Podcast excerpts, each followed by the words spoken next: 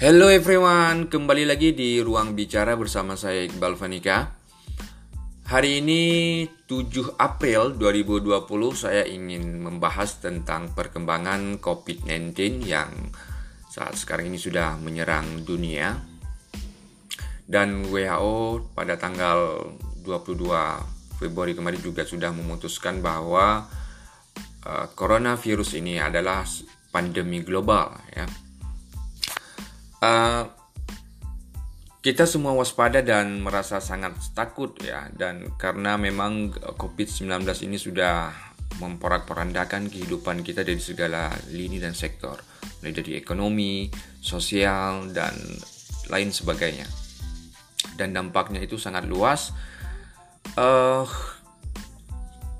update hari ini pada tanggal 7 April 2020 bahwa belum ada tanda-tanda penurunan karena setiap hari jumlah orang yang terinfeksi dari virus corona ini uh, naik ya kurvanya. Trennya itu naik begitu juga dengan angka kematian dan belum ada tanda-tanda penurunan ataupun berhenti begitu ya. Uh, saat ini saya mengeceknya di worldometers.info ya di laman web nanti teman-teman bisa langsung uh, mengupdate di sana. Saat ini sudah ada 1.346.428 orang yang terinfeksi virus corona. Wow, ini angka yang sangat-sangat fantastis ya. Sudah melebihi angka 1 juta, bahkan mendekati 1.500.000 orang. Ini mungkin saja akan bertambah karena di tren ataupun di grafik di kurvanya itu belum ada tanda-tanda berhenti ataupun penurunan dan dia masih akan melonjak. Kemudian kita melihat angka kematian di seluruh dunia itu ada 74.692 orang meninggal. Ya. Uh, kemudian yang dinyatakan sembuh itu ada 278.630 orang. Uh, mungkin persentasenya itu ada di 5% ya angka kematian. Uh, kita melihat kurva kasus ya dari sejak awal Januari uh, saya ingin bercerita sedikit tentang virus ini. Pertama, virus itu terjadi di sebuah kota Wuhan di Hubei, Cina pada Desember 2019 ya. Dan terus menyebar luas ke luar kota hingga ke penjuru dunia. Nah, sejak saat itu dunia mengalami darurat COVID-19 yang hampir semua negara itu dikunci ataupun ditutup untuk sementara waktu. Seperti misalnya Italia, Inggris, Prancis, Spanyol, kemudian uh, di Asia itu ada Singapura, kemudian Malaysia, Thailand, kemudian disusul dengan Indonesia ya, yang mulai ter apa namanya diketahui uh, juga menginfeksi dua warganya pada awal ma awal awal ma awal Maret ya, awal Maret pada 2 Maret pada saat itu Jokowi mengumumkan dua warganya yang terkena virus corona. Dan sejak saat itu angka tren ataupun naik uh, setiap harinya dan sekarang sudah hampir tembus ke 1000 lebih yang positif dan meninggal ada sekitar 200 orang. Nah, kita back kembali lagi ke uh, kalau kita melihat angka kematian ya uh, sorry sorry. Kalau kita melihat dari awal Januari pada 22 Januari itu kasusnya itu masih sangat sedikit yaitu 580 orang di seluruh dunia ya di seluruh dunia. Kemudian naik dan menjadi 24.000 di 4 Februari kemudian naik naik naik kemudian uh, di Maret tanggal 13 itu ada 145 ratus ribu orang Ya, ada 145.000 orang yang terjangkit atau terinfeksi virus corona. Kemudian terakhir sekarang sudah ada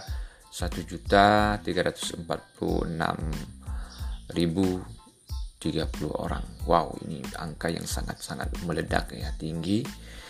Kemudian begitu juga dengan angka kematian juga sangat naik tajam di bulan Maret ini ya. Di bulan Maret berbeda dengan misalnya di awal-awal Maret itu tanggal 10 Maret itu ada 402 4000 ya sorry di awal Maret ada 4296 orang kemudian di akhir Maret itu ada 37.774 orang yang meninggal dunia. Wow ini angka yang sangat fantastis dan sangat mengerikan saya rasa pelonjakan angka kematiannya. Uh, kita bisa belajar dari beberapa negara yang pada awalnya meremehkan, menganggap sepele bahwa COVID-19 ini nggak akan sampai ke negaranya, nggak akan mereka bisa mengatasinya, bahkan banyak hal-hal yang berdalih seperti itu di pejabat-pejabat negara termasuk Indonesia. Ya. Bahkan di awal-awal kita juga sangat-sangat kewalahan ketika uh, datang virus ini dan kita tidak tahu mau melakukan apa. Tapi semoga makin ke sini itu makin uh, baik ya. Semoga ini menjadi sesuatu pembelajaran buat kita bahwa jangan meranggap remeh satu apa pun baik itu penyakit walaupun hanya sebuah virus dan kita lihat bisa lihat keadaan bisa terbalik dengan begitu cepatnya. Nah, angka uh, kita update ke tabel report coronavirus ya saat ini USA atau Amerika Serikat adalah negara yang sangat tertinggi mempunyai korban virus corona ini. Ya. Ada 367.004 orang yang terinfeksi virus corona di Amerika. Ini angka-angka yang sangat tinggi saya rasa.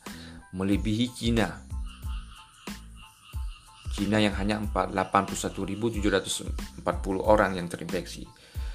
Ini sudah berkali-kali lipat ini. Kemudian di angka kematian ada 10.871 orang di, di di Amerika.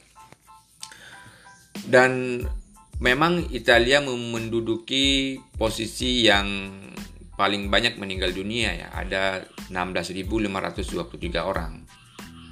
Kemudian disusul dengan Spanyol, Spain. Itu ada 13.341 orang.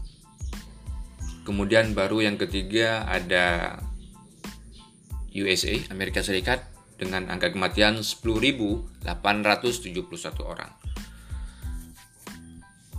Uh, kalau kita belajar dari dari beberapa negara ini yang pada awalnya itu kita membaca ya track bisa track di media bahwa pada awalnya mereka ini sangat meremehkan uh, virus corona ini bahkan ketika otoritas Cina kemarin meng-lockdown kota Wuhan bahkan banyak kritik yang dilontarkan oleh negara khususnya Amerika dan negara Eropa lainnya bahwa karantina wilayah itu merupakan pelanggaran HAM tapi terakhir terbukti bahwa pemerintah Cina melakukan hal yang tepat untuk memutuskan meluasnya penyebaran COVID-19 ini ke seluruh. Tapi memang yang namanya virus ya dan dia tidak kasat mata dan tidak terlihat itu bisa saja menyebar dengan sangat cepat bahkan ke seluruh dunia. Uh, angka yang paling banyak Eh, korban pada saat itu adalah Italia. Ya, Italia pemerintahannya dianggap teledoran, tidak memberikan peringatan dini kepada masyarakatnya sehingga banyak yang terinfeksi di sana dan semua rumah sakit penuh korban yang positif dan dirawat itu meledak dan sehingga mungkin rumah sakit tidak mampu menampung uh, pasien positif corona sehingga mereka mungkin uh, kehilangan nyawa mereka. Kita juga bisa belajar dari beberapa negara seperti Singapura ya, dengan jumlah infeksi yang juga lumayan tetapi angka kematian sangat sedikit. Kemudian juga Jerman juga demikian dengan uh, yang positif corona itu ada 103.375 orang, kemudian yang meninggal hanya 1.810 orang. Dan ini bisa sangat ditekan di Jerman. Kemudian juga di negara-negara lain seperti Turki misalnya juga walaupun infeksi virusnya itu yang positif corona itu ada 30 ribu kemudian yang meninggal hanya 600 dan ini sesuatu yang apa langkah mungkin antisipasi yang bagus dari pemerintah di sana.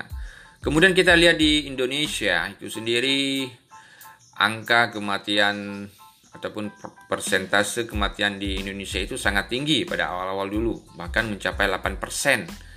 Kedua tertinggi di dunia Ah, walaupun memang angka korbannya masih 209 orang, tetapi yang jumlah yang terinfeksi itu tidak terlalu banyak, ada 2491 orang.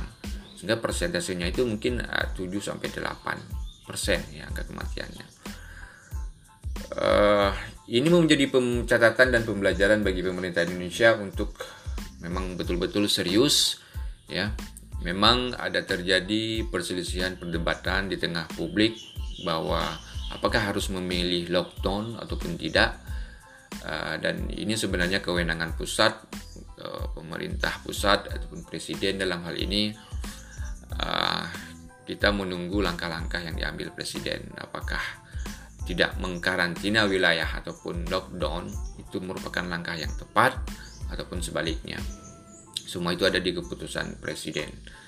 Nah, sejauh ini memang belum ada tanda-tanda lockdown dan bahkan beberapa informasi di media juga tidak Presiden Joko Widodo tidak akan melakukan lockdown ataupun itu adalah opsi yang masih sangat jauh mereka berpikir ke situ. Cuman ada beberapa karantina wilayah secara parsial seperti misalnya di Tegal, di apa di Jakarta ya di Jakarta juga ada sebagian uh, yang mengkarantina wilayah secara parsial. Namun uh, yang yang ironisnya masih saja ada beberapa bandara penerbangan internasional yang masih buka. Itu artinya apa? Masih memungkinkan uh, virus impor itu akan selalu ada di Indonesia. Selama jalur-jalur internasional ini jalur-jalur dunia ini dibuka. Termasuk di Banda Aceh sendiri, walaupun kemarin itu ada tanggal 29 Maret, pemerintah Aceh melakukan pemberlakuan jam malam dimulai dari jam 8.30 sampai jam 5.30 ataupun istilahnya itu partial lockdown yang mengharuskan warga tidak bisa keluar ataupun beraktivitas di malam hari pada jam tersebut sehingga timbul uh, dilematis dan protes di kalangan masyarakat khususnya di masyarakat kota Banda Aceh yang uh, yang berkegiatan mencari perekonomian di UMKM ataupun ekonomi mikro yang berjualan di pinggir jalan dan lain sebagainya. Mereka meminta bahwa memang pemberlakuan malam itu merupakan hal yang positif tetapi sejauh bandara tidak ditutup maka ini juga pemberlakuan jam malam merupakan hal suatu hal yang sia-sia. Kemudian juga mereka menganggap bahwa pemberlakuan jam malam itu sangat-sangat uh, berlebihan karena uh, mengingatkan kembali mereka kepada darurat militer ataupun masa dom sipil karena di mana-mana itu ada tentara yang menjaga dan uh, suasana itu sangat-sangat uh, horor yang mengerikan. Kemudian juga pemberlakuan jam malam juga sangat-sangat cepat yaitu jam 8.30 sehingga aktivitas warga di malam hari itu sangat singkat. Bahkan uh, pedagang-pedagang yang buka pada pukul 4 sore itu harus uh, dengan jarak jarak antara waktu seperti itu maka sangat sedikit apa namanya uh, jualan mereka yang yang laku. Nah ini menjadi pembelajaran kita semua dan uh, semoga kita bisa keluar dari uh, kasus ataupun pandemi global ini yang sudah menyerang manusia di tahun 2020 dan tetap jaga diri kita sendiri, jaga keluarga, jaga orang terdekat kita, jaga lingkungan kita dengan selalu senantiasa menerapkan apa yang sudah diperintahkan oleh pemerintah, kemudian menerapkan kehidupan ber, eh, bersih, hidup bersih ya, sorry, hidup bersih dengan cuci tangan dan tidak menyentuh uh, muka secara liar. Dengan begitu kita bisa mengurangi ataupun memutuskan rantai penyebaran secara luas COVID-19 ini. Sekian dari saya, terima kasih ber masih berada di ruang bicara sama saya Iqbal Venika. Salam